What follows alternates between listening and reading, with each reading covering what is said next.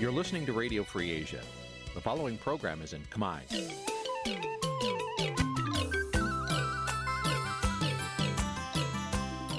Nǐ ជាកម្មវិធីផ្សាយ Vuthu Azizi Serai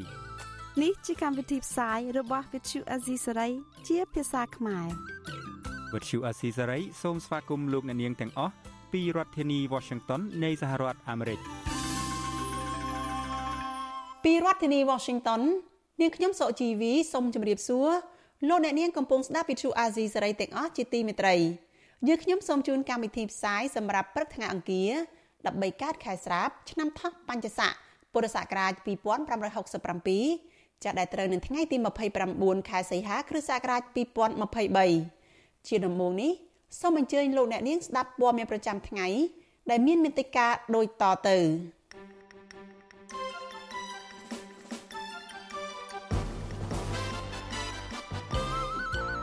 មន្ត្រីសង្គមស៊ីវិលនិងយុវជន ស្នើរដ្ឋាភិបាលថ្មីផ្ទៀងផ្ទាត់ការបោះបង្គោលព្រំដែននៅព្រែកស្នៃឡើងវិញប៉ូលីសនិងតុលាការរងការរិះគន់ថាលាក់លៀមព័ត៌មានរឿងជនសង្ស័យដែលបានរំដោះអ្នកទោសគ្រឿងញៀននៅសៀមរាបអ្នកសារព័ត៌មានឯករាជ្យចង់ឃើញរដ្ឋមន្ត្រីក្រសួងព័ត៌មានថ្មីបើកលំហសេរីភាពសារព័ត៌មានឡើងវិញ សហគមន៍ថាបត់ល្មើសចាប់សត្វសម្ពោចនិងរញីធ្វើអាជីវកម្មនៅតំបន់ព្រៃឡង់នៅតែកើតមានរួមនឹងព័ត៌មានសំខាន់សំខាន់មួយចំនួនទៀតជាបន្តទៅទៀតនេះនាងខ្ញុំសុជីវីសូមជូនព័ត៌មានទីនេះពិស្ដាលោកអ្នកនាងកញ្ញាជាទីមេត្រីក្រមយុវជននិងមន្ត្រីអង្គការសង្គមស៊ីវិលទាមទាររដ្ឋាភិបាលអាណត្តិថ្មីផ្ទៀងផ្ទាត់ការបោះបង្គោលព្រំដែនកម្ពុជាវៀតណាម ស្ថិតនៅចំណុចព្រែកកំពង់ស្នាយនៅក្នុងស្រុកស្វាយជ្រុំខេត្តស្វាយរៀងផ្អែកតាមមរតកអាណានិគមនិយមបារាំងរដ្ឋធម្មនុញ្ញនិងកិច្ចព្រមព្រៀងសន្តិភាពទីក្រុងប៉ារីសនៅក្នុងឆ្នាំ1991ការទៀមទានេះក្រោយពីលេខាធិការដ្ឋានអចិន្ត្រៃយ៍អាជ្ញាធរជាតិទទួលបន្ទុកកិច្ចការព្រំដែននៃទីស្តីការគណៈរដ្ឋមន្ត្រីចេញសេចក្តីប្រកាសព័ត៌មានការពីថា កម្ពុជាមិនបានបាត់បង់ព្រៃកំពង់ស្នាយទៅខាងភៀកគីវៀតណាមនោះទេ ចាលោកមានរិទ្ធមានសេចក្តីរាយការណ៍អំពីរឿងនេះការកំណត់បង្គោលព្រំដែនកម្ពុជាវៀតណាមកាលពីឆ្នាំ2017ស្ថិតនៅក្នុងខេត្តស្វាយរៀងនិងខេត្តព្រៃវែងតាមបណ្ដោយព្រៃកំពង់ស្នាយនៅក្នុងចន្លោះបង្គោលព្រំដែនលេខ229នៅតែមានភាពចម្រូងចម្រាសដែលក្រមយុវជននិងមន្ត្រីសង្គមស៊ីវិលមិនទាន់ជឿជាក់ទៅលើការអះអាងរបស់លេខាធិការដ្ឋានអចិន្ត្រៃយ៍នៃអាជ្ញាធរជាតិទទួលបន្ទុកកិច្ចការព្រំដែននៅឡើយទេ ក្រោយពីការផ្សព្វផ្សាយរបស់ Visual Asia ស្រីដោយបានសម្ភាសបុរដ្ឋរស់នៅខេត្តស្វាយរៀងដែលបានអះអាងថាព្រៃកំពង់ស្នាយដែលបន្សល់តាំងពីសម័យបារាំងនិងស្ដារឡើងវិញនៅក្នុងសម័យខ្មែរក្រហមនោះបានបាត់បង់ទៅភៀកគីវៀតណាមក្រោយបោះបង្គោលព្រំដែនកាលពីឆ្នាំ2017នោះ លេខាធិការដ្ឋានអចិន្ត្រៃយ៍នៃអាជ្ញាធរជាតិទទួលបន្ទុកកិច្ចការព្រំដែនកាលពីថ្ងៃទី27ខែសីហា បានចេញសេចក្តីប្រកាសព័ត៌មានច្រានចោលចំពោះការអះអាងនេះហើយថាកម្ពុជាមិនត្រឹមតែមិនបាត់បង់ព្រៃកំពង់ស្នាយនោះទេ ប៉ុន្តែភៀកគីកម្ពុជាអាចប្រើប្រាស់ទឹកពីព្រែកមួយនេះអាចធ្វើនាវាចរនិងនេសាទស្របតាមសន្ធិសញ្ញាបំពេញបន្ថែម កាលពីឆ្នាំ2005ដោយសារតែខ្សែបន្ទាត់ព្រំដែន គឺដើរតាមពាក់កណ្ដាលព្រែកបើទោះបីជាបង្គោលព្រំដែនត្រូវបានបោះនៅលើច្រាំងសងខាងនៃព្រែកនៅលើទឹកដីកម្ពុជានិងវៀតណាមក៏ដោយ វិសុវស៊ីស្រីមិនទាន់អាចតាក់ទងសុំការបកស្រាយបន្ថែមជុំវិញរឿងនេះពីរដ្ឋមន្ត្រីទទួលបន្ទុកកិច្ចការព្រំដែនដែលទើបនឹងតែងតាំងថ្មី គឺលោកឡាំជា បាននៅឡើយទេកាលពីថ្ងៃទី28ខែសីហាព្រៃកំពង់ស្នាយដែលអ្នកស្រុកអះអាងថាបន្សល់ទុកតាំងពីសម័យបារាំងមានប្រវែងជាង100គីឡូម៉ែត្រលាតសន្ធឹងពីខេត្តព្រៃវែងរហូតទល់នឹងខេត្តស្វាយរៀងឆ្លងកាត់ស្រុកស្វាយជ្រុំនិងក្រុងស្វាយរៀង អ្នកស្រុកខ្លះបានហៅព្រែកនេះថាជាព្រែកតែអ៊ុងហើយកាលពីសម័យប៉ុលពតអ្នកភូមិបានជីកស្ដារព្រែកនេះឲ្យជ្រៅងាយស្រួលធ្វើកសិកម្មនិងទាញទឹកប្រើប្រាស់បើទោះបីជាបែបនេះក្តីពលរដ្ឋបន្ថែមថាបង្គោលព្រំដែនសម័យបារាំងនៅឆ្ងាយពីព្រែកកំពង់ស្នាយប្រវែងប្រហែលចន្លោះពី6ទៅ8គីឡូម៉ែត្រហើយមានប្រាសាទបុរាណខ្មែរខ្លះសង់ជិតព្រំដែននោះជាច្រើនសតវត្សមកហើយ ទាក់ទងបញ្ហានេះប្រធានក្រុមប្រឹក្សាឃ្លាំមើលកម្ពុជាប្រចាំនៅប្រទេសណូវេលោកម៉ែនណាត សង្កេតឃើញថាការបកស្រាយរបស់រដ្ឋាភិបាល គឺជាការជួយលាក់បាំងនិងការពារមហិច្ឆតាឈ្លានពានរបស់វៀតណាមនៅក្នុងការរំលោភបូរណភាពទឹកដីកម្ពុជា លោកទៀមទាអរដ្ឋាភិបាលថ្មីនិងរដ្ឋសភាត្រូវសើរើនិងលុបចោលសន្ធិសញ្ញាបំពេញបន្ថែមឆ្នាំ2005អនុលោមតាមសន្ធិសញ្ញាកំណត់ព្រំដែនរដ្ឋឆ្នាំ1985ដែលលោកថាជាសន្ធិសញ្ញាខុសច្បាប់ដែលរដ្ឋាភិបាលរបស់លោកហ៊ុនសែនយកមកធ្វើជាមូលដ្ឋាន ប្រើប្រាស់ផែនទីមិនត្រឹមត្រូវដើម្បីកំណត់ខ្សែបន្ទាត់ព្រំដែនជាតិនិងធ្វើឲ្យកម្ពុជាបាត់បង់ទឹកដីការអះអាងហ្នឹងយើងមិនយើងមិនចង់បកស្រាយទៅលើគេបោះបង្គោលទៅលើព្រំដែនខាងខ្មែរឬខាងយួនទេគេនិយាយអំពីសន្ធិសញ្ញាបំពេញបន្ថែមឆ្នាំ2005មានន័យថាអ្វីអ្វីគឺអ្នកវៀតណាមគេជាអ្នកមេកំណត់បែងចែកគេថាមេជូស៊ីតែវៀតណាមអ្នកបែងចែកវៀតណាមអ្នកកំណត់ហើយអញ្ចឹងទោះបីកម្ពុជាទៀមទាមិនក៏គ្មានបានដែរហើយយើងធ្វើទៀមទាក្នុងក្រោមសេណារីយ៉ូរបស់គេនឹងអញ្ចឹងណាទៅយកអសន្ធិសញ្ញាដែលវាមិនត្រឹមត្រូវយកមកអនុវត្តហើយទៅចោតប្រកាន់គេអ្នកផ្សព្វផ្សាយថាគេធ្វើណែបំផ្លើវាជារឿងគួរឲ្យអាម៉ាស់សម្រាប់ជាតិសាសន៍ខ្លួនឯងដែលមានរដ្ឋាភិបាលឲ្យការពារតែផលប្រយោជន៍ឲ្យបរទេសជិតខាងស្រៀនពៀនកម្ពុជាហ្នឹងកន្លងទៅអតីតនាយករដ្ឋមន្ត្រីហ៊ុនសែនបានប្រកាសប្រមានចាប់ខ្លួនក្រុមអ្នករិះគន់រឿងផែនទី លោកហ៊ុនសែនថានឹងចាប់ខ្លួនជនណា ដែលហ៊ាននិយាយថារដ្ឋាភិបាល មិនមានផែនទីត្រឹមត្រូវពលរដ្ឋអះអាងថាការគម្រាមនឹងការចាប់ខ្លួនក្រុមអ្នករិះគន់រឿងព្រំដែនកាលពីពេលកន្លងទៅ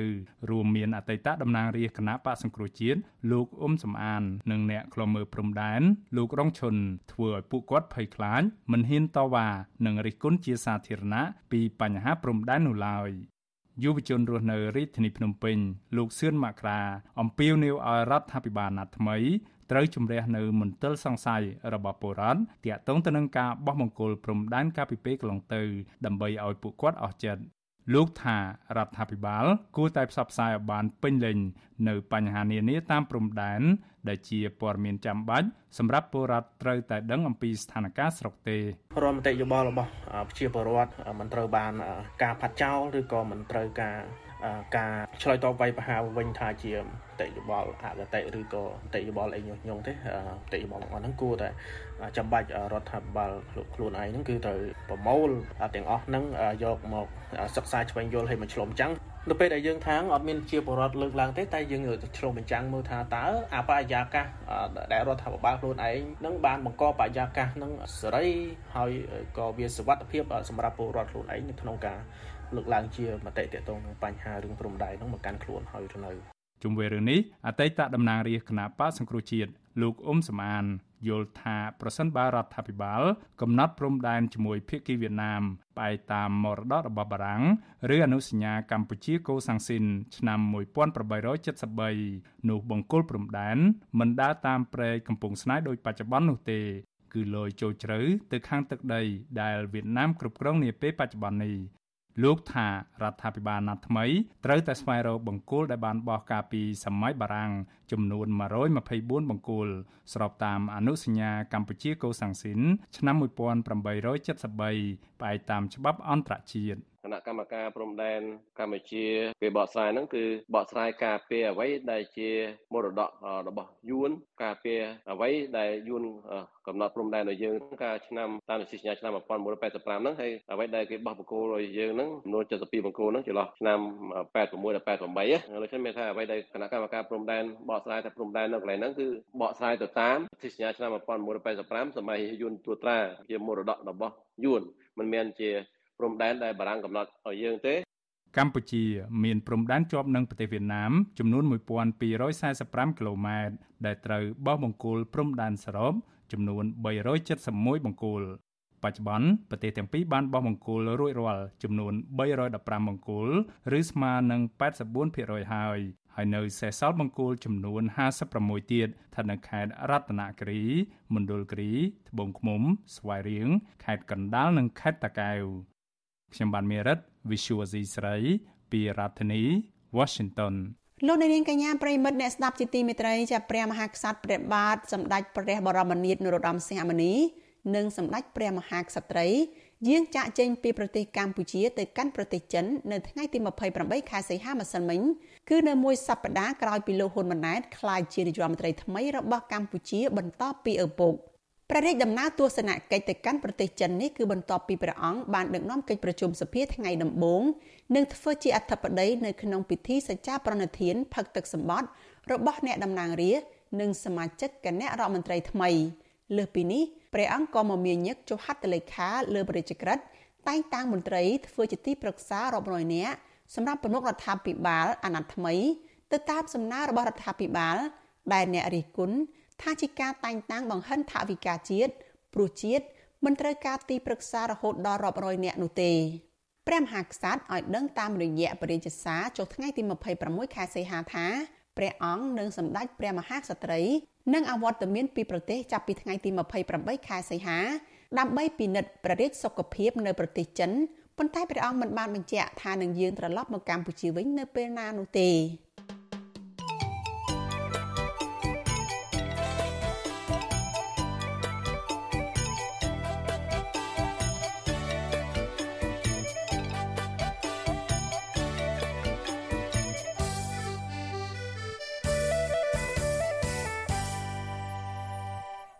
លោកនាងកំពុងស្ដាប់វិទ្យុអាស៊ីសេរីចាប់ពីរដ្ឋធានី Washington សហរដ្ឋអាមេរិក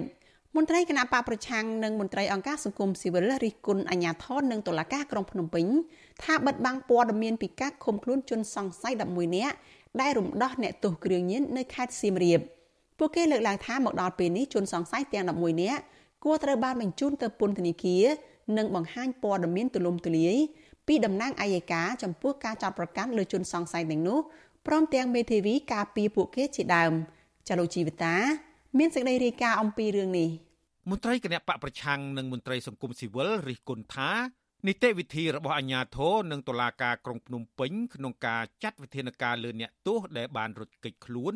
និងជនសង្ស័យ11នាក់ដែលបានរំដោះអ្នកទោសនៅក្រុងសៀមរាបនោះថាធ្វើឲ្យមហាជននៅតែមានមន្ទិលសង្ស័យនិងព្រួយបារម្ភចំពោះការអនុវត្តច្បាប់គ្មានប្រសិទ្ធភាព អតីតអ្នកតំណាងរាជខេត្តកំពង់ធំលោកម៉ែនសុថាវរិនរិះគន់ថា ការបិទបាំងព័ត៌មានអំពីការឃុំខ្លួន និងការសម្រេចចោទប្រកាន់លើជនសង្ស័យដែលរំដោះអ្នកទោសនឹងធ្វើឲ្យមហាជនកាន់តែអស់ជំនឿលើប្រព័ន្ធយុតិធធនៅកម្ពុជាខណៈលោកថាតុលាការគ្មានភាពឯករាជ្យនឹងធ្វើការតាមតែការចង្អុលបង្ហាញពីអ្នកមានអំណាច ធ្វើនេះគឺជាជាល្បិចគេទេគឺសិនជាអ្នកផ្សេងទៀតឧទាហរណ៍បើគណៈបកជំទាស់អីវិញ24ម៉ោងគឺបានចាប់បានហើយចាប់ដើមចេញច្បាប់ចេញសាធិការចេញអីព្រីមព្រីមឡើយអានេះដោយសារតែគ្នាគាត់សុទ្ធតែគ្នាគាត់ទាំងអស់អ្នកដែលហើយអ្នកដែលមានអាវុធអ្នកដែលមានអាវុធទៅដោះអ្នកអីនេះអ្នកណាវាមិនដែលវាគឺជាបរដ្ឋនិងអ្នកកណ្ដាលឆាំងទេគឺមានតែក្រុមគ្នាគាត់ហ្នឹងហើយចំណែកប្រធានអង្គការសម្ព័ន្ធភាពការពារសិទ្ធិមនុស្សកម្ពុជាហៅកាត់ថាច្រាក់លោករស់សុថាមានប្រសាសន៍ថាប្រសិនបើមកទល់ពេលនេះ អ្នកទោសដែលរត់គេចខ្លួននឹងជនសង្ស័យទាំង11នាក់មិនទាន់ត្រូវបានបញ្ជូនខ្លួនទៅពន្ធនាគារទេនោះនគរបាលយុតិធធនិងតំណាងអัยការគួរតែចេញមុខបំភ្លឺឲ្យមហាជនអស់ចម្ងល់ ក៏បានមានពេល48ម៉ោងក្នុងការចាត់វិធានការនឹងហើយបញ្ជូនទៅពន្ធនាគារតែពេល48ម៉ោងនឹងមិនគ្រប់គ្រាន់យ៉ាងម៉េចហើយគាត់ត្រូវការធ្វើអ្វីទៀតប៉ូលីសគួរតែឆ្លើយបំភ្លឺករណីហ្នឹងទោះបីយ៉ាងណាពេលវេលានឹងជាកញ្ចក់ឆ្លុះបញ្ចាំងនៅការអនុវត្តច្បាប់របស់មន្ត្រីនគរបាលនិងអាជ្ញាធរមានសមត្ថកិច្ចនៅពេលខាងមុខនេះ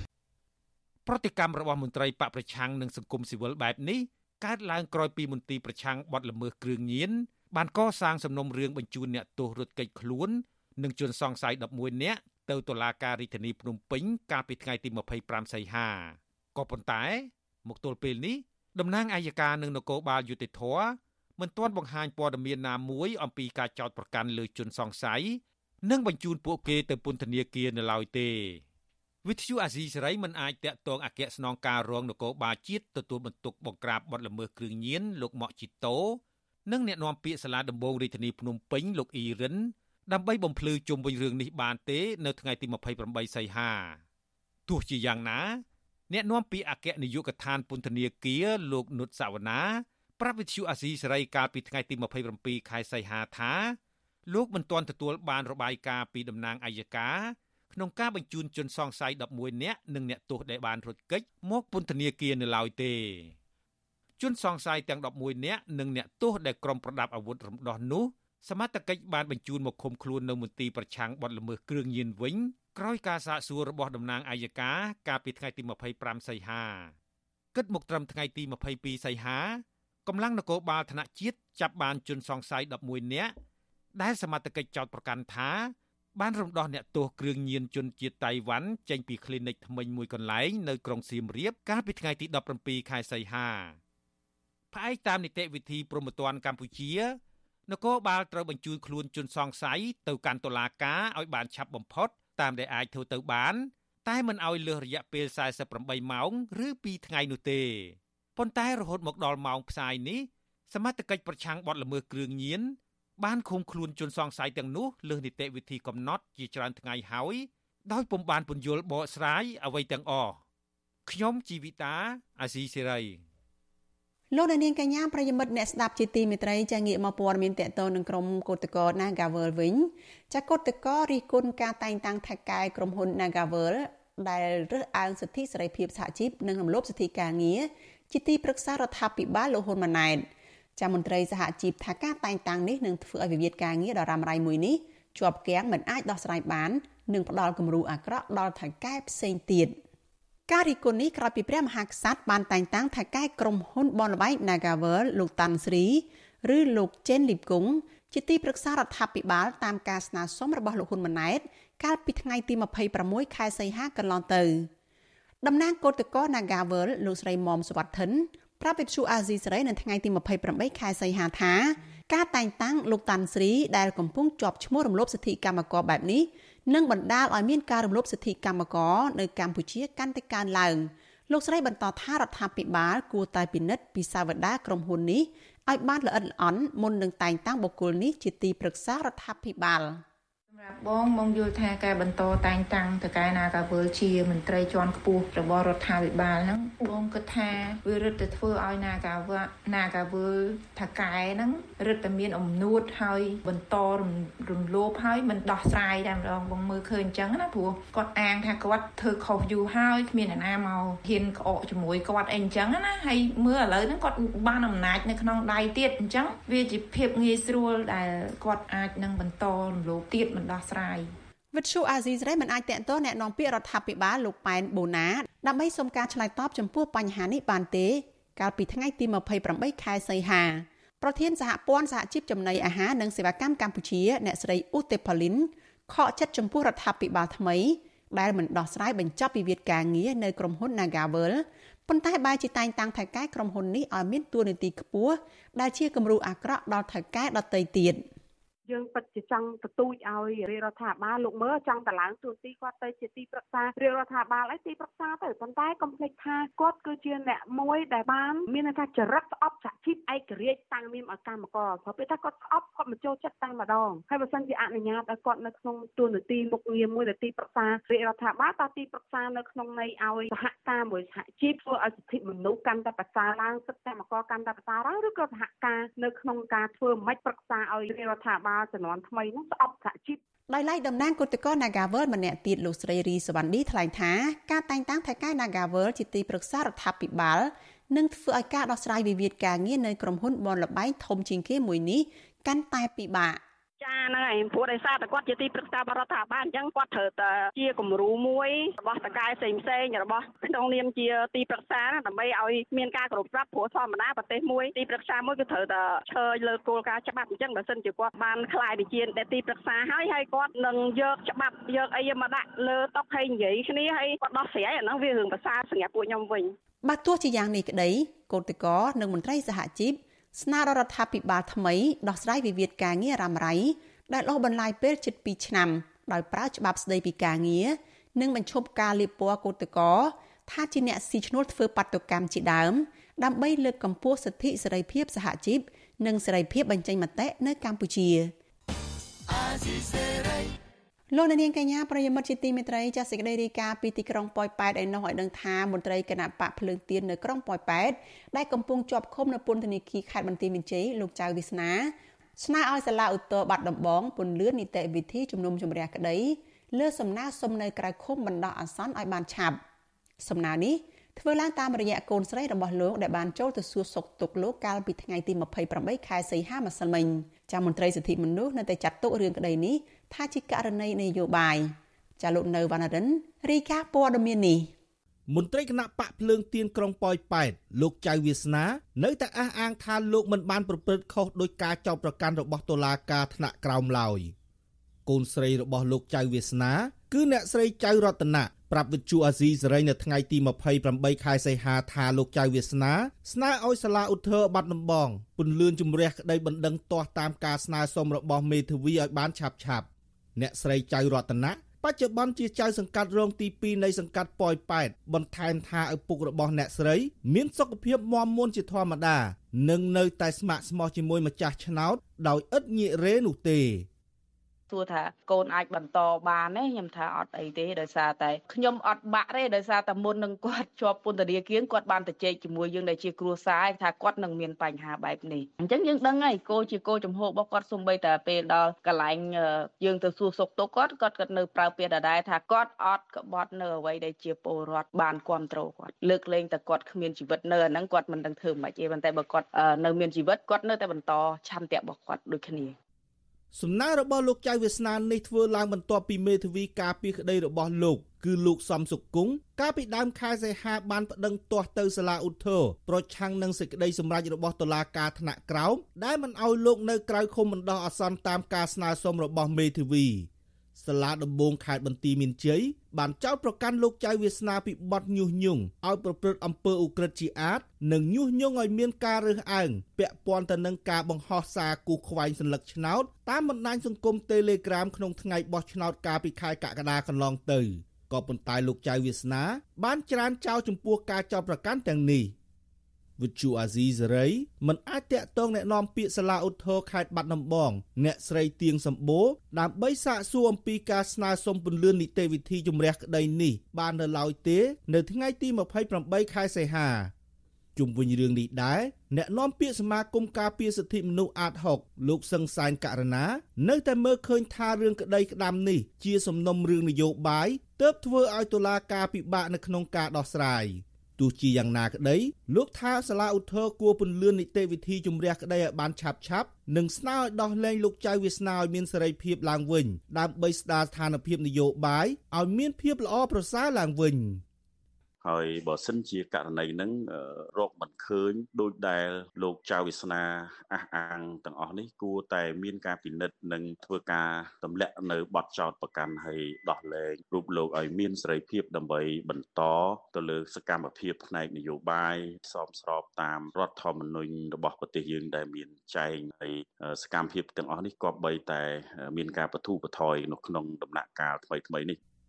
ប្រធានប្រតិបត្តិគណៈបកភ្លើងទៀនក្រុងប៉ោយប៉ែតលោកចៅវាសនាដែលមានដើមកំណើតខ្មែរកម្ពុជាក្រោមត្រូវបានអាជ្ញាធរខេត្តបន្ទាយមានជ័យចាប់បញ្ជូនខ្លួនទៅឃុំនៅពន្ធនាគារខេត្តនេះកាលពីថ្ងៃទី25កក្កដាដោយចោទពីបទញុះញង់ឲ្យប្រព្រឹត្តអំពើឧក្រិដ្ឋជាអាតនិងញុះញង់ឲ្យមានការរើសអើង នៅមុនការចាប់ខ្លួនលោកចៅវាសនាតែងតែអះអាងថាលោកត្រូវបានមន្ត្រីរដ្ឋាភិបាលម្នាក់អូសទាញឲ្យចោះចូលជាមួយគណៈបកប្រជាជនកម្ពុជា តែលោកមិនយល់ព្រមហើយមន្ត្រីនោះក៏បានគម្រាមលោកថាលោកនឹងអាចមានគ្រោះថ្នាក់ដល់អាយុជីវិតឬជាប់ពន្ធនាគារប្រសិនបើលោកនៅតែមិនព្រមចុះចូលជាមួយគណៈបកកណ្ដាលអំណាចខ្ញុំបាទនៅវណ្ណរិន With Chu Azizi Saray ពីរដ្ឋធានី Washington លោកនាងកញ្ញាជាទីមេត្រីព័ត៌មានតកតនឹងសកម្មជនគណៈបកភ្លើងទៀនឲ្យកំពុងមានជំងឺនៅក្នុងពន្ធនាគារវិញម្ដងចាំមន្ត្រីពន្ធនាគារបានបញ្ជូនមន្ត្រីគណៈបកភ្លើងទៀនគឺលោកតូចថងឲ្យទៅព្យាបាលជំងឺភ្នែកនៅមន្ទីរពេទ្យមិត្តភាពខ្មែរសូវៀតរយៈពេល2ថ្ងៃបន្ទាប់ពីក្រុមគ្រួសារបានស្នើសុំអស់រយៈពេលជាច្រើនខែរួចមកទោះយ៉ាងណាក្រុមគ្រួសារនិងមន្ត្រីសិទ្ធិមនុស្សស្នើដល់អាជ្ញាធរឲ្យអនុញ្ញាតឲ្យសកម្មជនរូបនេះ ទទួលបានការសម្រាកព្យាបាលរយៈពេលវែងនៅមន្ទីរពេទ្យនៅខាងក្រៅទៅតាមការណែនាំរបស់គ្រូពេទ្យជំនាញចាលោកមានរិទ្ធមានសេចក្តីរាយការណ៍មួយទៀតអំពីរឿងនេះជូនលោកអ្នកនាងដូចតទៅ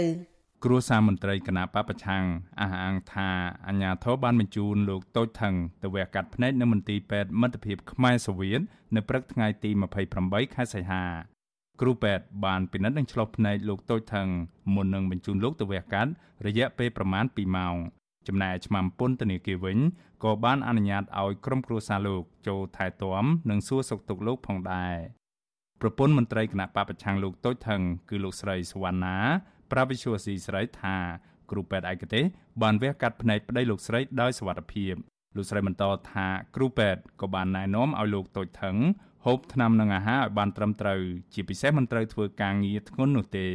លោកស្រីឲ្យដឹងទៀតថាគ្រូពេទ្យនៅទីនោះក៏បានតម្រូវឲ្យប្តីលោកស្រីសម្រាប់ព្យាបាលនៅមន្ទីរពេទ្យរយៈពេលពី3ទៅ4សប្តាហ៍ក៏ប៉ុន្តែអាជ្ញាធរអនុញ្ញាតឲ្យលោកតូចថងសម្រាប់នៅមន្ទីរពេទ្យត្រឹមតែ2ថ្ងៃ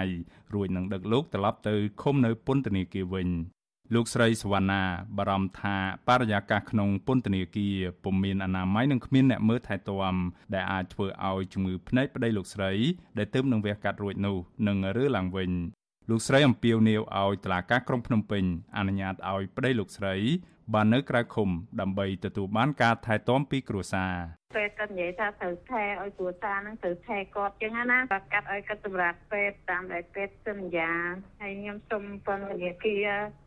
ឲ្យជួយឲ្យប្តីខ្ញុំនៅដេកពេទ្យឲ្យជាជាហ្មងកុំឲ្យទៅក្នុងហ្នឹងខ្ញុំនៅតែពួយបារម្ភតែបានបានមកវត្តកាត់ហើយមកអត់បានប្រព័ន្ធគូនថែចឹងណា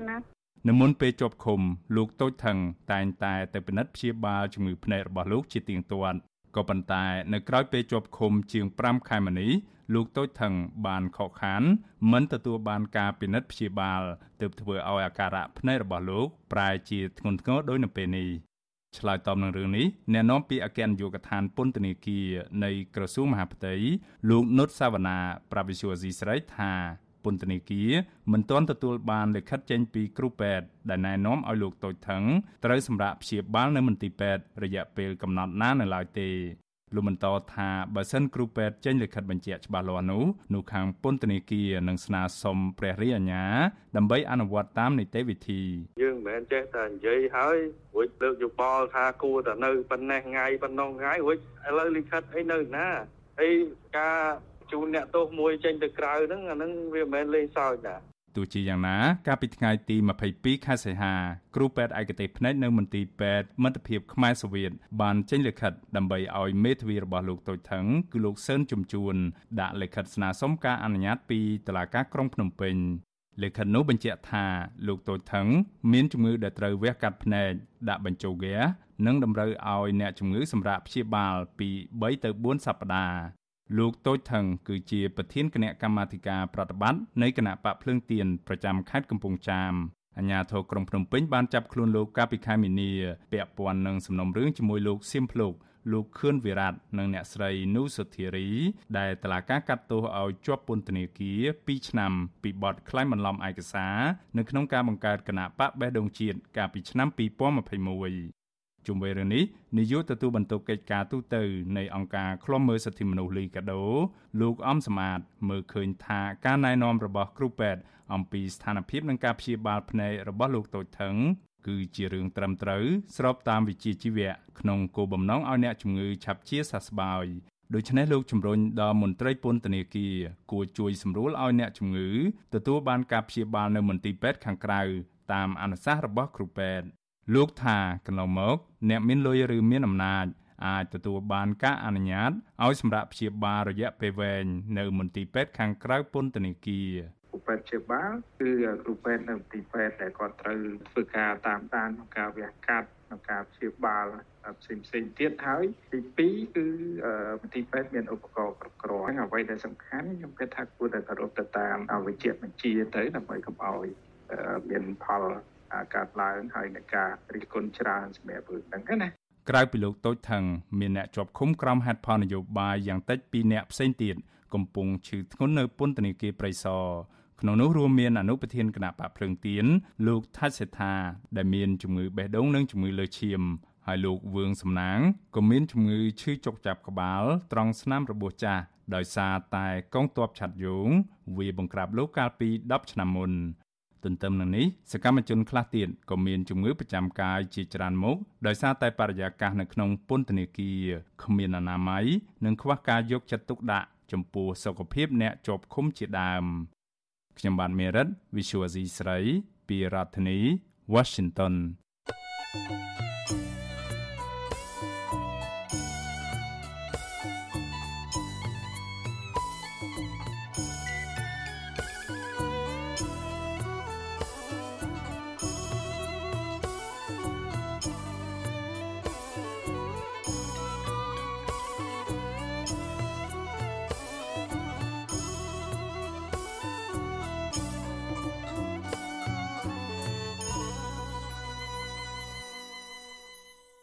លោកអ្នកនាងកញ្ញាជាទីមេត្រីព័ត៌មានដាច់ដោយឡែកមួយទៀតจากមន្ត្រីអង្គការសង្គមស៊ីវិលថាការខាត់ខ្លួនអតីតគរុសិស្សវិទ្យាស្ថានជាតិអប់រំកាយគឺជាការរំលោភសិទ្ធិជាមូលដ្ឋានរបស់ពលរដ្ឋនៅក្នុងការសម្ដែងមតិចាអតីតគរុសិស្សវិទ្យាស្ថានជាតិអប់រំកាយអះអាងថាបើទោះបីជាអាញាធរគម្រាមកំហែងយ៉ាងណាក្តីក៏លោកនៅតែបន្តសកម្មភាពទាមទារយុត្តិធម៌ពីការលុបឈ្មោះលោកចេញពីក្របខ័ណ្ឌគ្រូកីឡានេះដែរចាលោកលេងម៉ាលីរាយការណ៍អំពីរឿងនេះ មន្ត្រីអង្គការសង្គមស៊ីវិលចាត់ទុកការខាត់ខ្លួនអតីតគរុសិស្សវិទ្យាស្ថានជាតិអប់រំកាយនិងកីឡាថាជាអំពើរំលោភសិទ្ធិមនុស្សជាមូលដ្ឋាននិងស្នើដល់ក្រសួងអប់រំយុវជននិងកីឡាឲ្យបកស្រាយឲ្យបានច្បាស់លាស់ចំពោះការលុបឈ្មោះអតីតគរុសិស្សជាជាងការបណ្ដោយឲ្យអាជ្ញាធរប្រើហិង្សាបង្ក្រាបការតស៊ូមតិដោយអហិង្សានាយកទទួលបន្ទុកកិច្ចការទូតនៃអង្គការឃ្លាំមើលសិទ្ធិមនុស្ស Liga do លោកអំសំអាតអះអាងថាសកម្មភាពតវ៉ារបស់អតីតគរុសិស្សវិទ្យាស្ថានជាតិអប់រំកាយនិងកីឡាគឺជាការអនុវត្តសិទ្ធិក្នុងការបញ្ចេញមតិនិងមិនប៉ះពាល់ទៅដល់សន្តិភាពសាធារណៈនោះឡើយ នឹងមធ្យោបាយដែលអាជ្ញាធរប្រើមកកន្លងមកនេះវាអត់សមហេតុផលនឹងប្រើប្រាស់ទេផ្ទុយទៅវិញវាទទួលបាននៃការរិះគន់បន្ថែមទៀតទេទាក់ទងរឿងហ្នឹងណាអញ្ចឹងអ្វីដែលសំខាន់ហ្នឹងគឺមានការសម្របសម្រួលឲ្យមានការជជែកគ្នារវាងតំណាងក្រសួងអប់រំជាមួយនឹងគរុពិសិដ្ឋហ្នឹងទៅដើម្បីឲ្យមានការយល់អំពីថាបើសិនជាបញ្ឈប់ថាមកពីមូលហេតុអីมันមានការបញ្ឈប់ឲ្យបានច្បាស់លាស់ដើម្បីឲ្យអាចទទួលយកបានទាំងអស់គ្នា ប្រតិកម្មរបស់មន្ត្រីអង្គការសង្គមស៊ីវិលបែបនេះគឺធ្វើឡើងបន្ទាប់ពីអាជ្ញាធរខណ្ឌដូនពេញនិងកម្លាំងសមត្ថកិច្ចជាង10នាក់បានឃាត់ខ្លួនអតីតកេរុសិស្សវិទ្យាស្ថានជាតិអប់រំកាយនិងកីឡាលោកកែវសវណ្ណរិទ្ធនិងបងប្រុសរបស់លោកម្នាក់ទៀតគឺលោកកែវសវណ្ណដារាយកទៅប៉ុស្តិ៍នគរបាលសង្កាត់ជាជំនះដើម្បីសួរនាំនិងឲ្យចុះកិច្ចសន្យាបញ្ឈប់ការតវ៉ា លោកកៅសវណ្ណរិទ្ធបានបន្តសកម្មភាពតវ៉ារបស់ខ្លួនជាថ្មីនៅថ្ងៃច័ន្ទទី28សីហានៅខាងមុខក្រសួងអប់រំយុវជននិងកីឡាដោយបានស្លៀកពាក់ខោអាវកីឡាពណ៌ទឹកប៊ិចហើយដៃទាំងពីររបស់លោកមានកាន់ចិញ្ចៀនយុតិធធទាំងសងខាង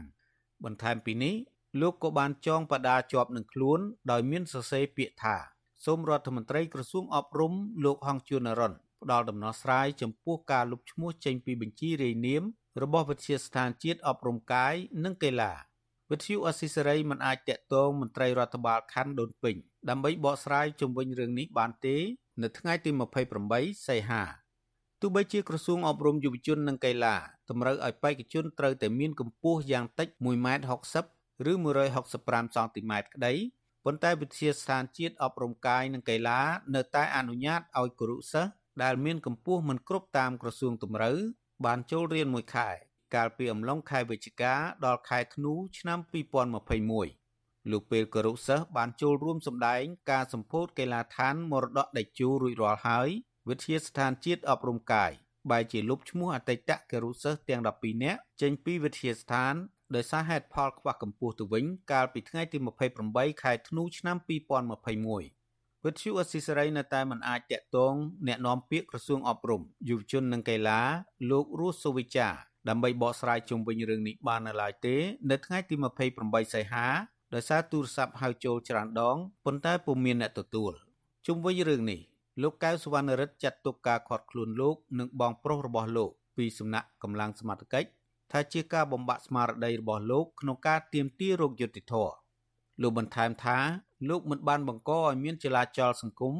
ឬខូចសន្តិភាពសាធារណៈដោយការចោទប្រកាន់ពីកម្លាំងសមត្ថកិច្ចនោះឡើយប៉ុន្តែកម្លាំងសមត្ថកិច្ចទៅវិញទេ ដែលប្រើអំពើហិង្សានិងខាត់ខ្លួនលោកធ្វើឲ្យមានការភ្ញាក់ផ្អើលទៅដល់សាធារណជន។ មូលហេតុដែលខ្ញុំនៅតែធ្វើការលើកពីដានៅមុខក្រសួងអប់រំយុវជននិងកីឡានោះគឺដើម្បីកុំឲ្យយុវជនចំនួនក្រោយរងគ្រោះដូចខ្ញុំ មួយទៀតខ្ញុំចង់ឲ្យក្រសួងបញ្ជាក់ពីយុវជន3នាក់ដែលលើសអាយុហ្នឹងតើមានអ្វីនៅពីក្រោយខ្នងមានដូចជាបារមីឬក៏ព្រះអ្នកតាណាមួយអញ្ចឹងដែលអាចវិជាស្ថានគាត់ឲ្យបន្តនៅរៀនជាមួយពួកគាត់លោកកៅសវណ្ណរិទ្ធបញ្ជាក់ថា បើទោះជាមានការគម្រាមកំហែងពីខាងអាជ្ញាធរក្តីលោកនៅតែបន្តការតវ៉ារហូតទទួលបានយុត្តិធម៌ពីក្រសួងអប់រំយុវជននិងកីឡាខ្ញុំបាទលេងម៉ាលី With you Asisari Washington លោកអ្នកនាងកញ្ញាជាទីមេត្រីសេចក្តីរាយការណ៍ពីខេត្តបាត់ដំបងឯណោះឲ្យដឹងថាប្រជាកសិករមួយចំនួននៅក្នុងខេត្តនេះកំពុងប្រឈមនឹងបញ្ហាបំណុលវាន់កដោយសារតែស្រូវនិងដំណាំរបស់ពួកគាត់ស្វិតងាប់អស់ជាច្រើនហិកតា ដោយសារតែគ្មានទឹកស្រោចស្រពគ្រប់គ្រាន់មន្ត្រីអង្គការសង្គមស៊ីវិលយល់ឃើញថាអាញាធរពពាន់គួរតែដោះស្រាយបញ្ហានេះឲ្យបានឆាប់ជៀសវាងផលប៉ះពាល់ទៅដល់ជីវភាពរបស់ពលរដ្ឋចាស់លោកជីវិតាមានសេចក្តីរាយការណ៍ដាច់ដライមួយទៀតអំពីរឿងនេះជូនលោកអ្នកនាងប្រជាកសិករមួយចំនួននៅខេត្តបាត់ដំបងខកចិត្តដែលអាជ្ញាធរនៅតែគ្មានដំណោះស្រាយចំពោះកង្វះទឹកធ្វើស្រែចម្ការនៅក្នុងរដូវវស្សា ដែលធ្វើឲ្យដំណាំរបស់ពួកគាត់ខូចខាតធ្ងន់ធ្ងរនិងបាត់បង់ប្រាក់ចំណូលកសិករនៅឃុំព្រះផុសស្រុកកោះក្រឡលោកមឿនរឿនប្រាប់វិទ្យុអាស៊ីសេរីនៅថ្ងៃទី28សីហាថាស្រូវនិងដំណាំពោតរបស់លោក2ហិកតាស្វិតងាប់អស់ដោយសារគ្មានប្រភពទឹកសម្រាប់ស្រោចស្រពលោកបន្តថាបញ្ហាគ្មានទឹកនេះកើតមានស្ទើរតែរាល់ឆ្នាំប៉ុន្តែអាជ្ញាធរបែរជាមិនគិតគូរពីសុខទុក្ខរបស់ពលរដ្ឋទៅវិញ លោកបន្ថែមថាលោកអាចនឹងបោះបង់មុខរបរមួយនេះហើយចំណាក់ស្រុកដើម្បីរកលុយសងបំណុលធនាគារដោយសារលោកគ្មានដើមទុនធ្វើស្រែចម្ការតទៅទៀត ពីកំពង់ពីពួយពីកុហកមកអានេះគេគេតាមបន្លាយចិនតាមបន្លាយចិនពេញព្រំប្រដេមកបើព្រមខ្ញុំមកណាអត់មានទេនឹងយកទឹកពីណាមកទេពឹងតែបាញ់មកត្រង់ពឹងតែកដាប់ដៃខ្ញុំរងថ្ងៃបើមិនតំណាំក៏ងាប់អីងាប់ទូរត់ទៅថៃបានដឹង chứ មើលអង្គការទៅរាប់រាប់ពាន់ដុល្លារហ្នឹងកសិករនៅឃុំមួងស្រុកមួងរស័យម្នាក់ទៀតគឺលោកខុនឈៀនត្អូញត្អែថា បញ្ហាកង្វះទឹកធ្វើឲ្យពលរដ្ឋនៅក្នុងស្រុករបស់លោកធ្វើចំណាក់ស្រុកជាច្រើនគ្រួសារលោកបន្តថាបច្ចុប្បន្នលោកធ្វើស្រែដោយពឹងផ្អែកលើទឹកភ្លៀងដោយសារនៅតាមប្រឡាយគ្មានទឹកនោះទេ ចង់ឲ្យអ្នកធោទឹកគូរឿងស្ដារប្រព័ន្ធឡាយអញ្ចឹងយើងងាយស្រួលក្នុងការបញ្ចេញបញ្ចូលទឹកហើយងាយស្រួលក្នុងការយកទឹកអញ្ចឹងណាខាងហ្នឹងវាពឹងផ្អែកខាងលើវិស័យកសិកម្មព្រោះឥឡូវបច្ចុប្បន្នសត្វលក់ពិបាកវាទៅទៅតម្លៃយ៉ាប់ដល់ស្រូវយើងបានតម្លៃទាំងធ្លាក់ធ្លាក់មែនទែនក្រៅពីកសិករនៅស្រុកមោងរស័យនិងស្រុកកោះក្រឡនៅមានស្រុកមួយចំនួនទៀតដូចជាស្រុកបាណន់ស្រុកកំរៀង ក៏ជួបបញ្ហាខ្វះខាតទឹកដូចគ្នានេះដែលកំពុងប្រឈមនឹងស្រូវស្ករនិងស្វិតងាប់រាប់ពាន់ហិកតាកសិករអះអាងថា នៅតាមតំបន់មួយចំនួន នៅតែគ្មានប្រព័ន្ធធារាសាស្ត្រគ្រប់គ្រាន់នៅឡើយធ្វើឲ្យរដូវប្រាំងរីងស្ងួតខ្លាំងនិងនៅរដូវវស្សាវិញនៅតំបន់ខ្លះចំនួនទឹកភ្លៀងជន់លិចខណៈតំបន់ខ្លះខ្វះខាតទឹកបណ្ដាលឲ្យផលដំណាំរបស់ពួកគាត់ខូចខាតស្ទើររាល់ឆ្នាំ។ វិទ្យុអាស៊ីសេរីមិនអាចតាក់ទងប្រធានមន្ត្រីធនធានទឹកនិងឧតុនិយមខេត្តបាត់ដំបង លោកលងផលគុណដើម្បីសូមការបកស្រាយជុំវិញបញ្ហានេះបានទេ នៅថ្ងៃទី28សីហាជុំវិញបញ្ហានេះអ្នកសម្របសម្រួលផ្នែកឃ្លាំមើលការរំលោភសិទ្ធិមនុស្សនៃអង្គការលីកាដូប្រចាំខេត្តបាត់ដំបង លោកអឹងគង់ចិត្តមានប្រសាសន៍ថាបញ្ហាគ្រោះរាំងស្ងួតនេះគឺបណ្ដាលមកពីរបាយទឹកភ្លៀងធ្លាក់មិនស្មើគ្នានៅរដូវវស្សា ប៉ុន្តែលោកក៏សម្គាល់ថា នៅខេត្តបាត់ដំបង មានទំនប់ស្ទាក់ទឹកច្រើនកន្លែង ដែលអាចចែកចាយទឹកឲ្យកសិករធ្វើស្រែចម្ការគ្រប់គ្រាន់បើសិនជាមិនសង្គ្រោះតន់ពេលវេលាអានឹងវាខូចបង់កសិផលរបស់គាត់ហើយហើយគាត់មានវិធីមានតែធ្វើចំណាក់ស្រុកនឹងឯងអញ្ចឹងយើងអ្វីដែលនៅក្នុងខេត្តរបស់យើងធនធានដែលយើងមានស្រាប់ហើយយើងគួរតែប្រើប្រាស់ឲ្យអស់លទ្ធភាពដើម្បីជួយសង្គ្រោះផលស្រូវរបស់កសិករដែលកំពុងទាំងស្ងួតនេះ នៅខេត្តបាត់ដំបងមានទំនប់ស្ទាក់ទឹកសំខាន់សំខាន់ចំនួន6រួមមានទំនប់ទឹកបាសាក់ទំនប់ទឹកដូនទ្រី ទំនប់ពហុបំណងសេកសកទំនប់កង្ហត ដែលទំនប់ស្ទាក់ទឹកទាំង4នេះគឺអូសចាក់ចូលស្ទឹងសង្កែឆ្ពោះទៅប៉ែកខាងក្រោមទំនប់អាងភៀនិងសាឡាតាអនស្ថិតនៅស្រុកឯកភ្នំដោយអាចស្រោចស្រពលើផ្ទៃដីកសិកម្មប្រមាណជិត20ម៉ឺនហិកតា ដែលគ្របដណ្ដប់លើស្រុក5គឺស្រុកកោះក្រឡស្រុកមួងរស័យស្រុកបាណន់ស្រុកឯកភ្នំ និងស្រុកបវលបើទោះជាខេត្តបាត់ដំបងមានអាងស្ទាក់ទឹកជាច្រើនកន្លែងក្តីក៏កន្លងមកប្រជាកសិករតែងរិះគន់ក្រសួងកសិកម្មនិងក្រសួងធនធានទឹក ថាអសមត្ថភាព ក្នុងការដោះស្រាយបញ្ហាជូនពលរដ្ឋមិនត្រឹមតែនៅក្នុងខែប្រាំងគ្មានទឹកធ្វើស្រែនិងខែវស្សាលិចស្រូវប៉ុណ្ណោះទេ ប៉ុន្តែនៅពេលកសិករប្រមូលកសិផលដើម្បីយកទៅលក់បែរជាគ្មានទីផ្សារដែលធ្វើឲ្យពួកគាត់ខាតបង់ប្រាក់ចំណូល និងប្រឈមធនាគាររឹបអូសទ្រព្យសម្បត្តិខ្ញុំជីវិតាអាស៊ីសេរីលោកនាងកញ្ញាជាទីមេត្រីសេចក្តីរាយការណ៍ពីតំបន់ព្រៃឡង់ឯនោះវិញឲ្យដឹងថា សហគមន៍ព្រៃឡង់អះអាងថារាល់ពេលដែលសហគមន៍ចុះទៅល្បាត នៅតែរកឃើញបទល្មើសចាប់យកសត្វព្រៃជាពិសេសសត្វសំពោចនិងរញី យកទៅធ្វើអាជីវកម្មហើយសហគមន៍ព្រួយបារម្ភថា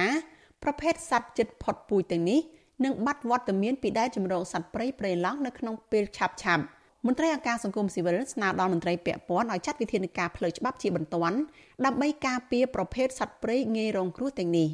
ចាស់លោកតារារាជសែនរាយការណ៍ព័ត៌មាននេះបណ្ដាញសហគមន៍ព្រៃឡង់ទទូចដល់អាជ្ញាធរពាក់ព័ន្ធចាត់វិធានការទៅលើបទល្មើសចាប់សត្វសម្ពោចនិងសត្វរញី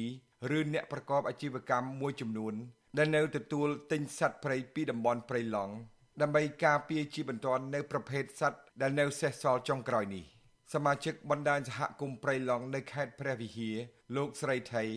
លើកឡើងថាអំឡុងពេលសហគមន៍ចុះល្បាតបានរកឃើញថាបទល្មើសចាប់យកសត្វសម្ពោចនិងសត្វរញីនៅបន្តកើតមានដោយជនល្មើសរកទីតាំងដែលសត្វសម្ពោចនិងសត្វរញីរស់នៅ បន្ទាប់មកជនល្មើស កាប់ឆ្ការព្រៃដែលនៅជុំវិញនិងរាយសំណាញ់ពាត់ចាប់តែម្ដង លោកស្រីថៃបន្តថាតាមរយៈការចុះល្បាតចុងក្រោយសហគមន៍បានប្រទះទីតាំងចាប់យកសម្ពោចជាង10កន្លែងដែលជនល្មើសអាចចាប់យកសម្ពោចជាង20ក្បាល និងមានដានអន្ទាក់ដាក់សត្វរញីជាច្រើនទៀតលោកស្រីថៃថាសត្វសម្ពោចមួយក្បាល មានចន្លោះ40ម៉ឺនទៅ50ម៉ឺនរៀលនិងសត្វរញីមួយក្បាល មានតម្លៃប្រមាណ30ម៉ឺនរៀលដែលជនល្មើសយកទៅលក់ក្នុងទីផ្សារងងឹតយើងឃើញដែលគេជិះគេដាក់អន្ទាក់យោណាដែលគេដាក់មួងយោណាវាអត់ជួបផ្ទាល់ទេឃើញផ្លែងដែលគេចាប់ក៏យើងស្កប់ឃើញគេចាប់មុនមុនយើងស្កប់ចាក់ ជួបបង្គោលទេអាកន្លែងគេចាប់ជឹកអំពូច4 10កន្លែងខុសទៅផ្លូវទេបើតាមផ្លូវនោះបើតែយើងដើរតាមផ្លូវឃើញអាកន្លែងគេដាក់មួងអត់ខុសពីកាប់ស្វាបើស្វាគេកាប់ព្រៃឈើធំធំដួលបើនេះអត់ទេគេដាក់តែមួងហើយគាត់ជុំវិញហើយគេឡើងដេញឲ្យចុះហ្នឹងយើងបារម្ភទី1វាវានឹងអស់សัตว์ដែលធ្លាប់មានពីមុនមកណាវាអស់សัตว์ចឹងសពូចឹងស្វាទាំងសัตว์អីផ្សេងៗក៏ដូចជាស្ងាត់ដែរអត់មានឃើញដល់បានអីច្រើនទេលោកស្រីថៃថាប្រភេទសត្វព្រៃដែលប្រឈមនឹងការបាត់បង់ ក្នុងដែនជម្រកសត្វព្រៃឡង់រួមមានដំរី ខ្ទីងជ្រូកព្រៃស្វានិងសម្ពោចជាដើម លោកថាប្រភេទសត្វទាំងនេះកំពុងរស់នៅកិច្ចពីជនល្មើសដែលតាមប្រមាញ់រាល់ថ្ងៃ លោកស្រីថៃទទូចឲ្យអាជ្ញាធរនិងមន្ត្រី ប្រើប្រាស់យន្តការច្បាប់ ដើម្បីការពារព្រៃឈើនិងសត្វព្រៃដែលនៅសេសសល់ចុងក្រោយនេះវិទ្យុអាស៊ីសេរីមិនអាចសុំការឆ្លើយតបរឿងនេះ ពីប្រធានមន្ត្រីបរិស្ថានខេត្តព្រះវិហារលោកសុងច័ន្ទសុជាតិនិងរដ្ឋមន្ត្រីក្រសួងបរិស្ថាន លោកអានសុផល្លែតបានទេនៅថ្ងៃទី28ខែសីហាមន្ត្រីសម្របសម្រួលគម្រោងនៃសមាគមបណ្ដាញយុវជនកម្ពុជា CYN និងអ្នកស្រាវជ្រាវបទល្មើសព្រៃឈើលោកអូតឡាទីន លើកឡើងថាបទល្មើសបរបាញ់និងចាប់សត្វព្រៃនៅតំបន់ព្រៃឡង់នៅតែបន្តកើតមានជាពិសេស ការចាប់សត្វសម្ពោចនិងរញីលោកអូតឡាទីនព្រួយបារម្ភថាប្រភេទសត្វព្រៃទាំងនេះនឹងអាចបាត់បង់ក្នុងរយៈពេលខ្លីខាងមុខនេះព្រោះអាជ្ញាធរមិនមានឆន្ទៈពិតប្រាកដក្នុងការទប់ស្កាត់និងបង្ក្រាបទីតាំងនៃការជួញដូរសត្វព្រៃទាំងនោះទេហើយសត្វព្រៃដែលនៅក្នុងព្រៃនឹងក៏ជាប្រភេទសត្វព្រៃចុងក្រោយដែរបើសិនជាយើងមិនមានវិធានការ มันបានយកចិត្តទុកដាក់នៅក្នុងការស្រាវជ្រាវព្រោះអ្នកដែលពាក់ព័ន្ធនៅក្នុងការធ្វើអាជីវកម្មសត្វនេះបញ្ហានេះខ្ញុំគិតថាពិបាកនៅក្នុងការធ្វើការទប់ស្កាត់មែនទែនហើយកន្លងទៅពេលដែលពួកខ្ញុំចោះធ្វើការសិក្សាស្រាវជ្រាវឬក៏ធ្វើការស៊ើបអង្កេតនេះបញ្ហាការជួញដូរសត្វជ្រូកព្រៃសត្វតកួតឬក៏សត្វមួយចំនួនទៀតនេះគឺនៅមានការលក់ដូរដែរដូចអង្គការសមាគមអភិរក្សសត្វព្រៃ WCS បានកំណត់សត្វសម្ពោចភ្នំ ជាសត្វកំពុងទទួលការគំរាមកំហែង ហើយសត្វប្រភេទនេះជាសត្វកម្រនិងជិតផុតពូជអង្គការសហភាពអន្តរជាតិដើម្បីអភិរក្សធម្មជាតិ IUCN បានដាក់សត្វរញីប្រភេទនិងសត្វរញីភ្លើង ក្នុងបញ្ជីក្រហម ជាប្រភេទងាយរងគ្រោះថ្នាក់ដោយសារតែការបរបាញ់ដាក់អន្ទាក់និងការធ្វើអាជីវកម្មបើទោះជាពលរដ្ឋមួយចំនួនមានជំនឿថា រញីជាប្រភេទសត្វយកមកត្រាំស្រាធ្វើជាថ្នាំកែរោគផ្សេងផ្សេងក្តី ប៉ុន្តែបើតាមអ្នកជំនាញវិទ្យាសាស្ត្រអះអាងថាពុំមានលក្ខណៈវិទ្យាសាស្ត្រណាមួយដែលអាចយកសត្វរញីមកផ្សំឬលាយជាមួយអ្វីមួយ ដើម្បីចេញជាថ្នាំព្យាបាលថ្នាំបង្កើនសុខភាពឬជំនួយសុខភាពនោះទេប៉ុន្តែរញីជាប្រភេទចម្លងជំងឺមកកាន់មនុស្សទៅវិញទេខ្ញុំដារ៉ារីជសែន with you Azisari ទីក្រុង Adelaide លោកអ្នកនាងកញ្ញាប្រិយមិត្តអ្នកស្ដាប់វិទ្យុអាស៊ីសេរីទាំងអស់ជាទីមេត្រីចានៅឯស្រុកសេសានខេត្តស្ទឹងត្រែងឯណោះប្រជាសហគមន៍នៅក្នុងតំបន់នេះត្អូញត្អែថាក្រុមហ៊ុនចិនដែលកំពុងតែធ្វើអាជីវកម្មធ្យូងថ្ម បានធ្វើឲ្យប៉ះពាល់ដីចម្ការរបស់ពួកគេជាច្រើនហិកតានិងមិនព្រមផ្ដល់សំណងដល់ពួកគេនោះទេមន្ត្រីអង្គការសង្គមស៊ីវិលទទូចទៅរដ្ឋាភិបាលឲ្យគិតគូរដោះស្រាយសំណងផលប៉ះពាល់ មុននឹងផ្ដល់អាជ្ញាប័ណ្ណធ្វើអាជីវកម្មដល់ក្រុមហ៊ុនឯកជនប្រជាពលរដ្ឋដែលមានដីចម្ការដាំដើមស្វាយស្វាយចន្ទីនិងដំឡូងជាច្រើនហិកតានៅក្នុងភូមិក្រឡាពោះឃុំតាឡាតស្រុកសេសានខេត្តស្ទឹងត្រែងអះអាងថាក្រុមហ៊ុនចិនដែលកំពុងធ្វើអាជីវកម្មធ្យូងថ្ម បានធ្វើឲ្យប៉ះពាល់ដីចម្ការរបស់ពួកគេដោយមិនមានសំណងសមរម្យដល់ពួកគេនៅឡើយពលរដ្ឋដែលមានដីចម្ការស្វាយចន្ទីចំនួន4ហិកតាលោកសៀនសឿង អះអាងប្រាប់វិទ្យុអាស៊ីសេរីនៅថ្ងៃទី28ខែសីហាថាដីចម្ការស្វាយចន្ទីរបស់លោកត្រូវក្រុមហ៊ុនកាត់យកពាក់កណ្ដាលដោយគេសំអាងថាជាដីរបស់ក្រុមហ៊ុនទទួលបានពីរដ្ឋាភិបាល ដើម្បីធ្វើអាជីវកម្មធ្យូងថ្មរូបលោកមិនហ៊ានចេញមុខតវ៉ានោះទេព្រោះខ្លាចបាត់បង់ដីបន្តទៀតដោយសារក្រុមហ៊ុននេះមានលុយច្រើន និងមានអ្នកមានអំណាចនៅខាងក្រោយខ្នង។ មិនយុទ្ធធម៌ទេបងពីព្រោះគ្នាខំធ្វើតាំងពីតុងតាំងណាបើគាត់អត់មានសំណងអីខ្លះសម្រាប់ចេញកម្លាំងពលកម្មគាត់ខំធ្វើផងវាម្នាក់ម្នាក់គ្នាពិបាកហើយបងបានខំប្រឹងហើយធ្វើបាឲ្យផ្អាកអាកន្លែងប៉ះពាល់ដូចថាអាកន្លែងណាដែលប៉ះពាល់ច្រើនហ្នឹងឲ្យគាត់ផ្អាកទៅខំធ្វើ10ឆ្នាំខ្លះក៏មាន5ឆ្នាំក៏មានហើយពលរដ្ឋនៅភូមិក្រឡាពោះដែលដីស្រែចម្ការរបស់លោក1ហិកតាកំពុងរងផលប៉ះពាល់គឺលោកអូនកង ធ្លាប់ចូលធ្វើការនៅក្នុងការដ្ឋានរបស់ក្រុមហ៊ុនចិនរៀបរាប់ឲ្យដឹងថាក្រុមហ៊ុនបានខួងរណ្ដៅធំធំចំនួន2ដើម្បីជីកយកធ្យូងថ្ម ដែលមានជម្រៅប្រមាណជាង200ម៉ែត្រលោកថាកម្មករនៅក្នុងក្រុមហ៊ុនមាន3សញ្ជាតិគឺមានខ្មែរវៀតណាមនិងចិនដោយកម្មករជាជនជាតិវៀតណាមនិងចិនទទួលបានប្រាក់66ដុល្លារនៅក្នុងមួយថ្ងៃចំណែកកម្មករខ្មែរបានតែ55,000រៀលប៉ុណ្ណោះនៅក្នុងមួយថ្ងៃក្រៅពីនោះលោកថាក្រុមហ៊ុននេះ ហាក់មិនចាប់អារម្មណ៍ជាមួយធ្យូងថ្មទេដោយបង្ខំកម្មករឲ្យជីកចុះទៅក្រោមជ្រៅថែមទៀតដែលពួកគេសង្ស័យថាក្រុមហ៊ុនមួយនេះសម្ដៅជីកយករ៉ែមាសតាមធ្វើអាធ្យូង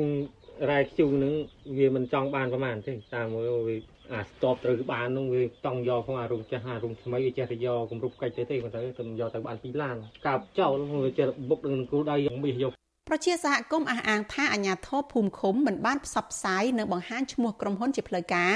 ឲ្យប្រជាពលរដ្ឋបានដឹងនោះទេដោយគ្រាន់តែបញ្ជាក់ថាជាក្រុមហ៊ុនចិនធ្វើអាជីវកម្មធ្យូងថ្មតែប៉ុណ្ណោះវិទ្យុអាស៊ីសេរីនៅមិនទាន់អាចតាក់ទងแนะនាំពាក្យក្រសួងរាយនឹងធម្មពលលោកអឹងឌីប៉ូឡានិងแนะនាំពាក្យសាលាខេត្តស្ទឹងត្រែងលោកម៉ែនគង់ដើម្បីសុំការបកស្រាយជុំវិញរឿងនេះបាននៅឡើយទេនៅថ្ងៃទី28ខែសីហាចំណែកតំណាងក្រុមហ៊ុន និងមេឃុំតាឡាតលោកមួនខឹបក៏មិនអាចតាក់ទងបានដែរតាក់ទងនឹងបញ្ហានេះមន្ត្រីសម្របសម្រួលសមាគមអាត6ប្រចាំនៅក្នុងខេត្តស្ទឹងត្រែងលោកចឹកចត្រាយល់ឃើញថារដ្ឋាភិបាលត្រូវជូនដំណឹងដល់ប្រជាពលរដ្ឋនៅតំបន់នោះជាមុនសិនមុននឹងអនុញ្ញាតឲ្យក្រុមហ៊ុនធ្វើការវិនិយោគឬធ្វើសម្បទានដីនៅកន្លែងណាមួយនឹងត្រូវវិយតម្លៃពីផលប៉ះពាល់សង្គមនិងបរិស្ថានឲ្យបានត្រឹមត្រូវជាមុន។ រដ្ឋាភិបាលថ្មីគួរតែធ្វើការសិក្សាស្វែងយល់មុននឹងផ្ដល់កម្មវិធី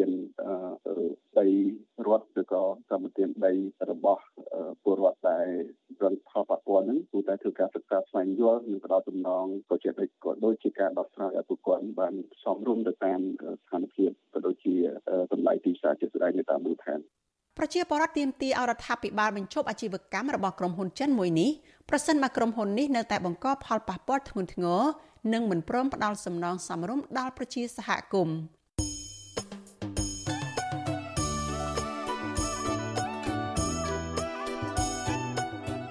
លោកអ្នកនាងជាទីមេត្រីដំណើរគ្នានឹងស្ដាប់ការផ្សាយវិទ្យុអាស៊ីសេរីតាមបណ្ដាញសង្គម Facebook YouTube និង Telegram លោកអ្នកនាងក៏អាចស្ដាប់ការផ្សាយរបស់វិទ្យុអាស៊ីសេរីតាមរយៈរលកធាតុអាកាសខ្លីឬ Shortwave តាមកម្រិតនិងកម្ពស់ដូចតទៅនេះពេលព្រឹកចាប់ពីម៉ោង5កន្លះដល់ម៉ោង6កន្លះ តាមរយៈ post SW 12.14 MHz ស្មើនឹងកម្ពស់ 25m និង post SW 13.71 MHz ស្មើនឹងកម្ពស់ 22m ពេលយប់ចាប់ពីម៉ោង7កន្លះដល់ម៉ោង8កន្លះតាមរយៈ post SW 9.33 MHz ស្មើនឹងកម្ពស់ 32m post SW 11.88 MHz ស្មើនឹងកម្ពស់ 25m និង post SW 12.14 MHz ស្មើនឹងកម្ពស់ 25m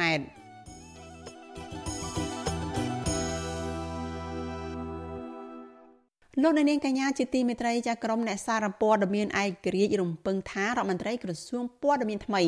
នឹងបើកលំហសេរីភាពសារព័ត៌មានប្រព័ន្ធផ្សព្វផ្សាយឯករាជ្យឲ្យបំពេញការងារតាមវិជ្ជាជីវៈដោយគ្មានការគំរាមកំហែងនិងរាំងខ្ទប់ពួកគេថារដ្ឋមន្ត្រីក្រសួងព័ត៌មានថ្មី គួរសហការជាមួយអ្នកសារព័ត៌មានពង្រឹងការផ្សព្វផ្សាយព័ត៌មានដែលមានសារៈប្រយោជន៍ជាសាធារណៈចាអ្នកស្រីសួនអមរារាយការណ៍ព័ត៌មាននេះការផ្លាស់ប្តូររដ្ឋមន្ត្រីក្រសួងព័ត៌មានលោកខៀវកញ្ញរិទ្ធទៅលោកណេតភក្ត្រា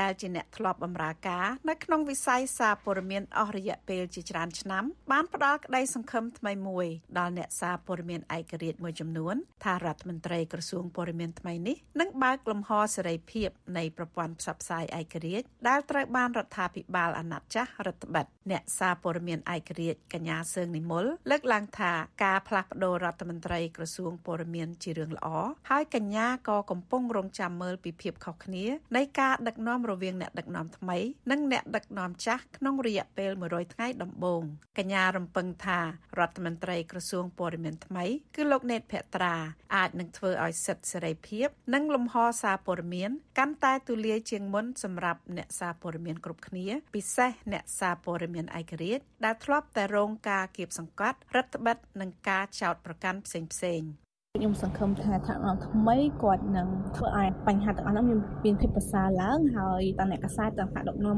អាចធ្វើការជាមួយគ្នាបានដើម្បីធ្វើឲ្យដំណើរការប្រជាធិបតេយ្យតាមរយៈតកតងជាមួយនឹងសេរីភាពអ្នកសារព័ត៌មានឬមួយក៏ប្រព័ន្ធផ្សព្វផ្សាយនឹងឲ្យកាន់តែប្រសើរឡើងជាងមុនព្រោះដោយសារតែយើងឡើងនៅលើផ្លូវជាមួយគ្នាអញ្ចឹងយើងសង្ឃឹមថាអាចនឹងកែប្រែបញ្ហាទាំងអស់នោះហើយយើងអាចដើរទាំងអស់គ្នាដើម្បីជាប្រយោជន៍សម្រាប់សាធារណៈទាំងអស់គ្នា ទោះជាបែបនេះក្តីកន្លងមកលោកណេតភត្រាមិនសូវទទួលទូរស័ព្ទឬផ្ដល់ប័ណ្ណសម្ភាសឲ្យអ្នកសារព័ត៌មានឯករាជ្យមួយចំនួននោះទេ កាលពីលោកធ្វើជាអ្នកនាំពាក្យក្រសួងបរិស្ថានអ្នកសារព័ត៌មានឯករាជ្យម្នាក់ទៀតគឺលោកសັດបានយល់ឃើញថាសេរីភាពសារព័ត៌មាននៅកម្ពុជា នៅតែរងការរឹតបន្តឹងនិងមិនបើកចំហឡើយដរាបណាស្ថាប័នឯករាជ្យមួយចំនួន នៅមិនទាន់មានវត្តមាន លោកសុតបានចង់ឃើញរដ្ឋមន្ត្រីក្រសួងព័ត៌មានថ្មីបើកឱកាសឲ្យសារព័ត៌មានឯករាជ្យអាចមានវត្តមានឡើងវិញនៅកម្ពុជាលោកសង្កេតឃើញថាអ្នកសារព័ត៌មានឯករាជ្យមួយចំនួននៅតែទទួលរងការរើសអើងពីសំណាក់អាជ្ញាធរដោយសារពួកគាត់តែងតែនិយាយការពិតដែលធ្វើឲ្យប៉ះពាល់ដល់ផលប្រយោជន៍របស់បុគ្គលអ្នកមានអំណាចមួយចំនួន ខ្ញុំស្នើទៅដល់សួងព័ត៌មានក៏ដូចជាមន្ត្រីអាជ្ញាធរពាក់ព័ន្ធគួរណាតែបើកឱកាសឲ្យអ្នកសារព័ត៌មានបានផ្ដិតយករូបភាពពិតព្រឹត្តិការណ៍ពិតផ្ដល់ឱកាសឲ្យអ្នកសារព័ត៌មាននឹងទៅដល់មូលដ្ឋានហើយកុំមានការគៀបសង្កត់រដ្ឋបတ်ឬជាគម្រាមកំហែងអីដើម្បីសង្គមយើងទាំងអស់គ្នាទេយើងជួយគ្នាពំនាំភាពអវិជ្ជមានទាំងអស់ហ្នឹងទៅរាជរដ្ឋាភិបាលក៏ដូចជាមន្ត្រីពាក់ព័ន្ធឲ្យគាត់ស្វែងរកដំណោះស្រាយជួយដោះស្រាយទុកលំបាករបស់ប្រជាពលរដ្ឋដែលគាត់បានពឹងទៅលើអ្នកសារព័ត៌មាន អ្នកសារព័ត៌មានឯករាជ្យម្នាក់ទៀតគឺកញ្ញាសរំស្រីណាតយល់ឃើញថារដ្ឋមន្ត្រីក្រសួងព័ត៌មានប្រកាសជាដឹងច្បាស់ពីកិច្ចការរបស់ខ្លួនក្នុងការលើកកម្ពស់សារព័ត៌មានដែលមានវិជ្ជាជីវៈឯករាជ្យនិងបើកលំហសេរីភាពដល់អ្នកសារព័ត៌មានគ្រប់ស្ថាប័នដោយមិនមានការរើសអើង។ កញ្ញាមើលឃើញថាសេរីភាពនៃសារព័ត៌មាន ជាទូទៅមានសម្រាប់តែស្ថាប័នឬអង្គភាពណា ដែលផ្សព្វផ្សាយពីឯកជនភាពអ្នកដទៃនិងចំនួនបុគ្គលឯកជនប៉ុណ្ណោះចំណែកឯអ្នកសារព័ត៌មាន ដែលផ្សព្វផ្សាយព័ត៌មានពិតនិងជាក់ស្ដែងបែរជាត្រូវអាជ្ញាធររារាំងគំរាមប្តឹងតាមច្បាប់ព្រហ្មទណ្ឌនិងចោទប្រកាន់ថាធ្វើខុសវិជ្ជាជីវៈទៅវិញ អាហ្នឹងបងគិតថាមន្ត្រីថ្នាក់ក្រោមហ្នឹងគាត់គួរតែពិនិត្យមើលម្ដងទៀតហើយខាងរដ្ឋាភិបាល ដែលមានក្រសួងព័ត៌មានជាថ្នាក់ដឹកនាំហ្នឹងគួរតែចរចាជាមួយនឹងខាងមន្ត្រីនៅថ្នាក់ក្រោមហ្នឹងធ្វើម៉េចឲ្យធ្វើការស៊ីសង្វាក់គ្នាកុំវាប់ឡើងប្តឹងវាប់ឡើងប្តឹងអត់យកសេរីភាពអត់យកច្បាប់សារព័ត៌មានយកមកប្រើអញ្ចឹង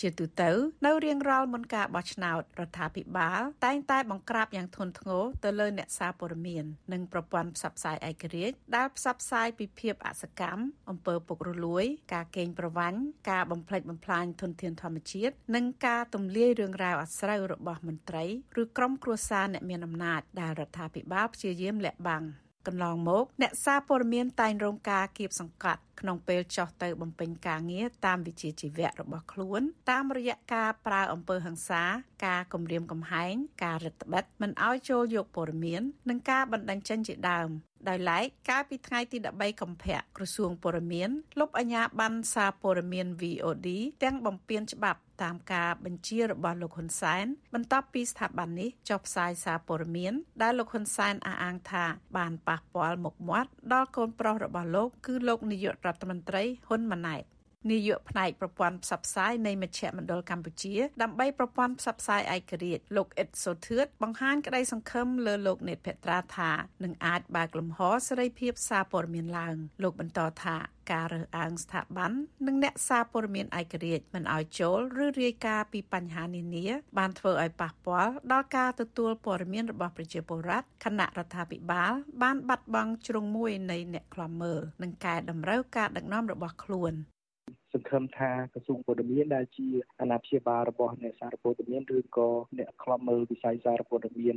នៅប្រទេសកម្ពុជានឹងគឺនឹងលើកស្ទួយលើកកម្ពស់វិស័យនេះឲ្យកាន់តែរីចម្រើនរីចម្រើននេះគឺក្នុងនេះមានន័យថាមានសេរីភាពមានលំហគ្រប់គ្រាន់ដើម្បីបំពេញទូនាទីរបស់អ្នកសារព័ត៌មាននឹងឲ្យប្រកបដោយការទទួលខុសត្រូវដើម្បីកំពៀអ្នកសារព័ត៌មានដែលជាអ្នកក្រោមការការមើលខុសត្រូវរបស់គាត់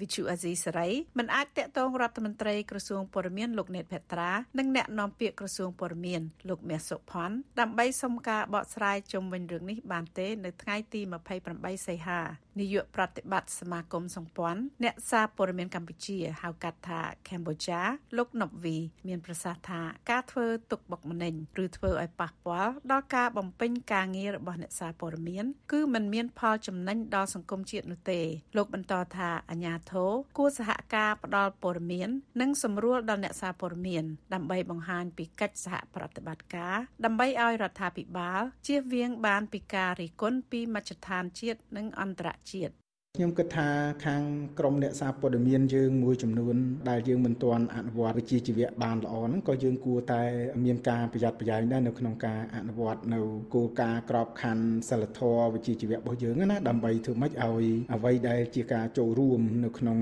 វិស័យសារព័ត៌មានហើយនឹងការចូលរួមដើម្បីកសាងបាននៅជំនឿទុកចិត្តរបស់ប្រជាពលរដ្ឋសាធារណជនទូទៅមកលើវិស័យសារព័ត៌មានរបស់យើងអញ្ចឹងណា សន្ទុះសេរីភាពសារព័ត៌មានពិភពលោក ឆ្នាំ2023ចេញផ្សាយក្នុងទិវាសេរីភាពសារព័ត៌មានពិភពលោក នៅថ្ងៃទី3ឧសភា បានបង្ហាញថាសេរីភាពសារព័ត៌មាននៅកម្ពុជាស្ថិតក្នុងលំដាប់លេខទី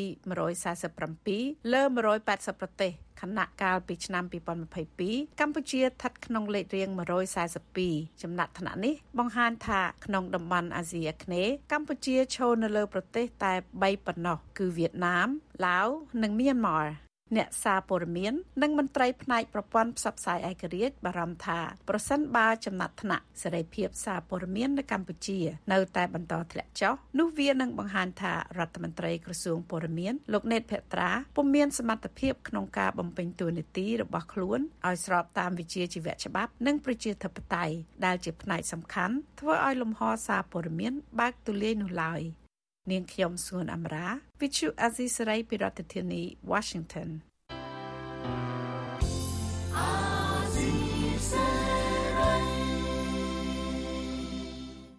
លោកនាងកញ្ញាជាទីមេត្រីការផ្សាយរយៈពេល1ម៉ោងរបស់វិទ្យុអាស៊ីសេរីជាភាសាខ្មែរនៅព្រឹកនេះចាប់ត្រឹមតែប៉ុណ្ណេះនាងខ្ញុំសុជីវីព្រមទាំងក្រុមការងារទាំងអស់នៃវិទ្យុអាស៊ីសេរីចាសសូមជូនពរដល់លោកនាងកញ្ញានិងក្រុមគ្រួសារទាំងអស់ចាសសូមប្រកបតែនឹងសេចក្តីសុខចាសសុភមង្គលនិងសុខភាពល្អកុំបីឃ្លៀងឃ្លាតឡើយនាងខ្ញុំសូមអរគុណនិងសូមជម្រាបលា